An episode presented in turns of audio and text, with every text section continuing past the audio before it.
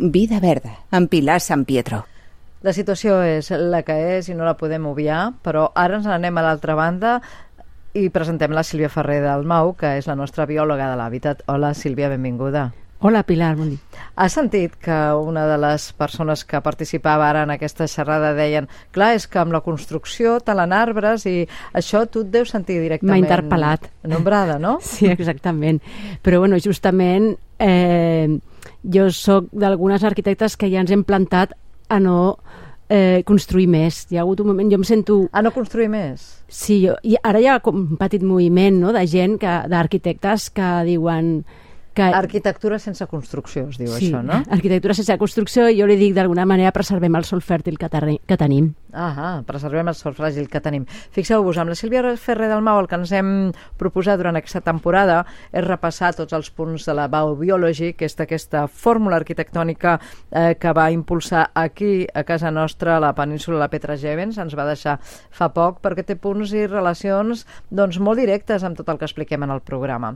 Avui volíem parlar sobre com proveir de suficient espai verd, fixa't, zones rurals i urbanes. Dius, ara, zones rurals, sí, també les zones rurals, perquè són finalment eh, zones urbanes en extensiu.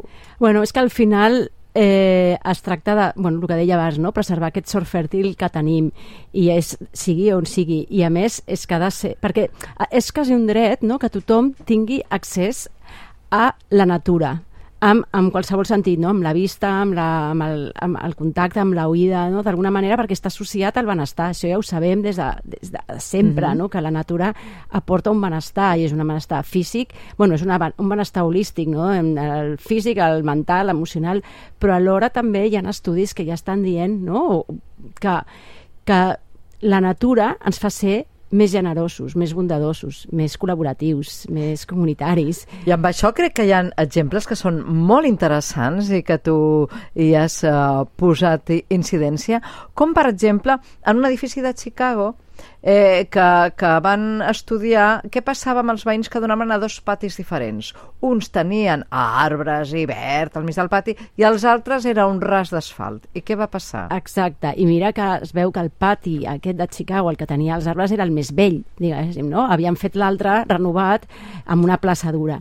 On hi havia vida era en el dels arbres, però a la investigació va anar més, més lluny, no? perquè era un barri amb unes condicions socials eh, limitades i hi havia molta eh, criminal... bueno, hi havia actes així vandàlics i es va descobrir per una investigació policial amb l'ajuda dels arquitectes urbanistes i els psicòlegs medioambientals que allà els habitatges que donaven al pati amb arbres l'índex de criminalitat disminuïa un 50% déu nhi déu Això és com molt esperançador, no? Perquè dic, eh, què hem de fer per, per millorar el nostre entorn i amor, no? Pues primer de tot posem aquesta natura, que si la natura ens fa ser més bondadosos. També hi ha un altre estudi, no?, que deia que es van agafar uns voluntaris i els, els van ensenyar imatges a uns de natura i a uns altres d'un altre tipus d'imatge i se'ls va donar voluntàriament bueno, un, un, uns bitllets de 5 dòlars, no sé, per ho poder utilitzar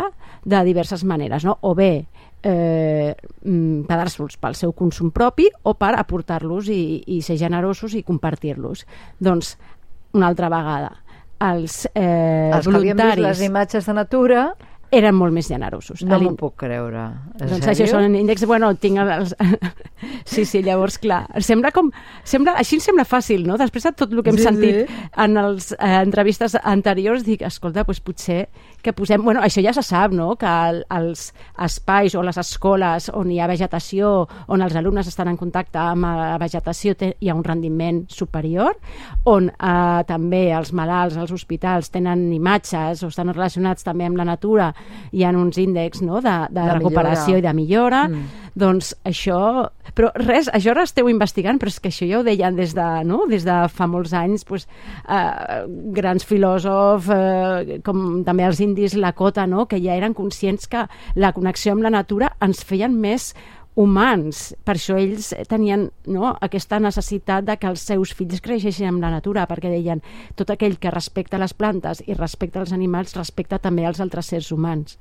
Està claríssim això, i hi ha exemples d'ecobarris que podrien ser una mica aquests barris jo no m'ho podria imaginar aquí tant de bo que, que sigui realitat eh, per les generacions futures, com per exemple un ecobarri que hi ha a la ciutat holandesa de Culemborg, on s'han construït 240 cases i hi ha de tot, fins i tot granja ecològica entremig. Sí, aquesta és la, el, realment el, aquest exemple, així com un altre que una vegada ja vam parlar, que és el, el, el barri de Bauban a Friburg, aquests són dos dels exemples que és com la mirada que té la Baubiology no? de, de com haurien de ser els nostres eh, espais residencials, no? ni molt densos ni realment també aïllats, sinó nuclis, no? petites aldees, barris ecològics en contacte amb la natura on sigui més fàcil crear doncs, comunitats energètiques, comunitats també hídrica, hídriques, no? comunitats eh, agrícoles, no? d'alguna manera on hi hagi també serveis que eh, et permetin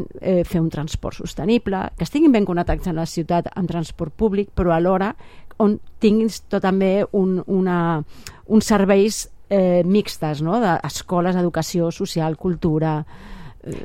Si això ho portem cap a les grans ciutats, trobem dos exemples que valdria la pena explicar que és, per exemple, la ciutat de Medellín.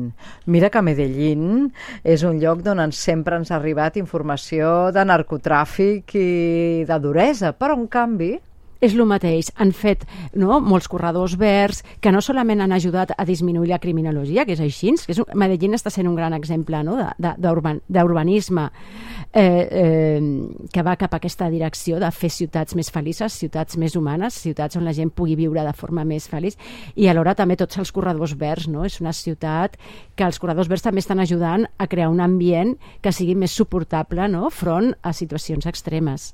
A situacions extremes com les que vivien. I Seul. Què ha passat a Seul? A Seul es ha enderrocar un, un riu, que no facis dir ara el nom, un, un riu de, de 8 quilòmetres que, eh, que era una antiga autopista, o sigui, una zona dura de la ciutat que s'ha recuperat. El riu, diguéssim, estava cobert per l'autopista. És a dir, que el, el riu funcionava per baix, eh, de manera freàtica. és com soterrat, sí, uh mhm. -huh. soterrat, diguéssim. I llavors l'han obert, han tret l'autopista i ara és un canal verd que genera vida que genera no vida solament pels humans i pels ciutadans, sinó també per als animals que han retornat a la ciutat. I fixa't que el mateix sembla ser que estan decidint fer a Los Angeles perquè tenen un projecte de recuperació d'un riu asfaltat de 50, 50 quilòmetres. Sí, sí, 50 quilòmetres. I després també està l'exemple de New York, de aquella, del High Line, em sembla que és, sí. que era una antiga línia de ferroviària de transport de mercaderies que també s'ha convertit en un parc, un parc aixecat de la ciutat, però un parc verd, també amb, amb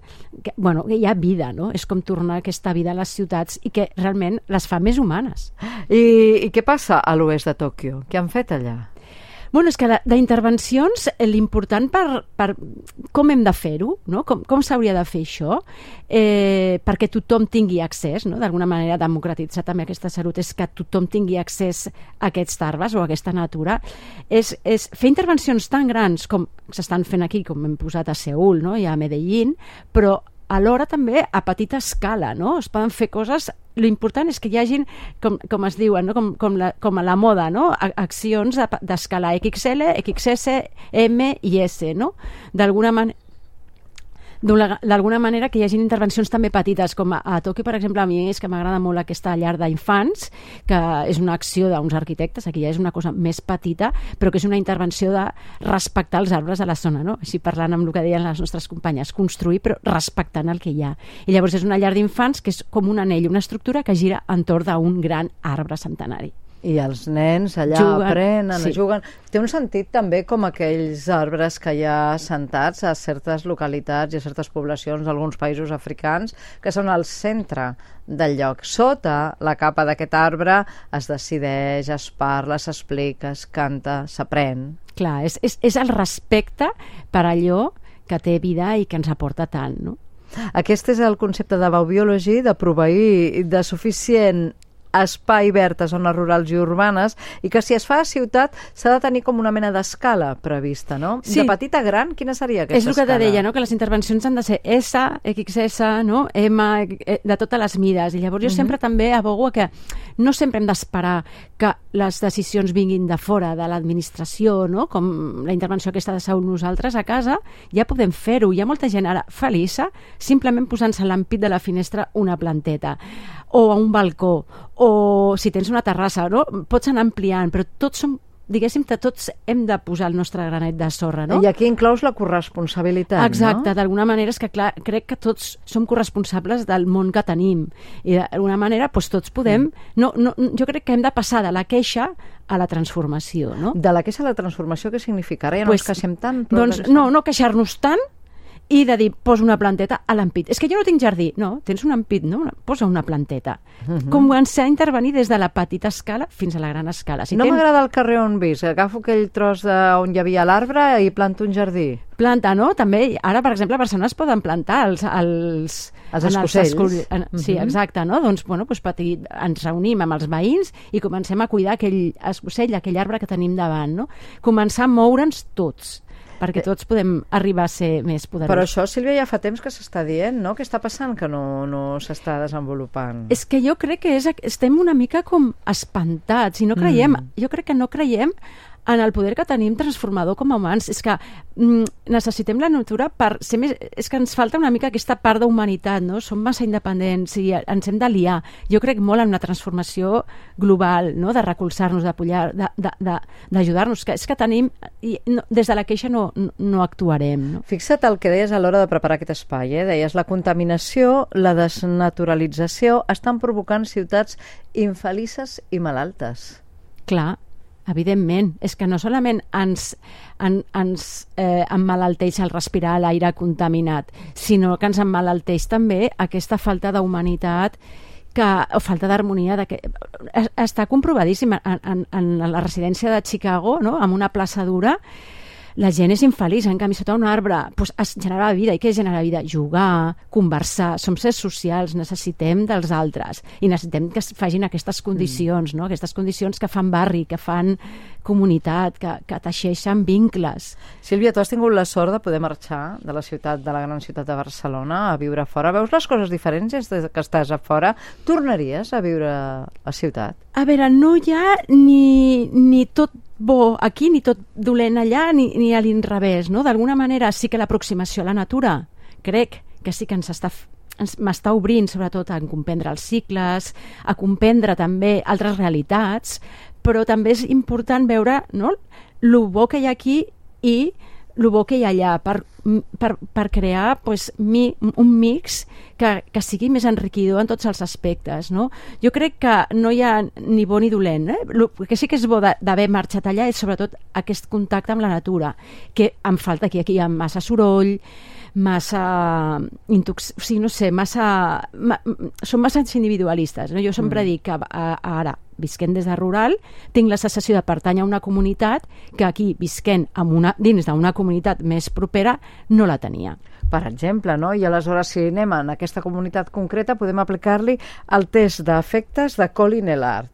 I ara et vas explicar què és aquest test d'efectes. Un- Ah, el test d'efectes del Colin, eh, eh, d'aquest eh, urbanista eh, simplement és, és que van fer un van fer un estudi amb, amb voluntaris uh -huh. eh, que portaven un aparell que els, eh, els me- mesurava l'estat emocional i, aqu- i és, és, és tornar a repetir el que ja dèiem, no? com dintre d'un context d'una ciutat quan arribaven a la, a la frontera ja d'un espai o d'un jardí, d'un jardí comunitari Se'ls obria els ulls i se'ls enxamplaven se'ls els pulmons. enxamplava, diguéssim, la felicitat, no? I, I, bueno, tornem a mi, no? O sigui, clar, jo sóc molt més feliç amb, amb, rodejada de natura, mm -hmm. però també som éssers socials i necessitem estar en contacte amb els altres, sempre i quan sabem comportar-nos com humans, no? Per tant, un equilibri és molt necessari en aquest sentit, indispensable, no?, fer-ho realitat, tot i que després aplicacions d'aquesta possibilitat de, de natura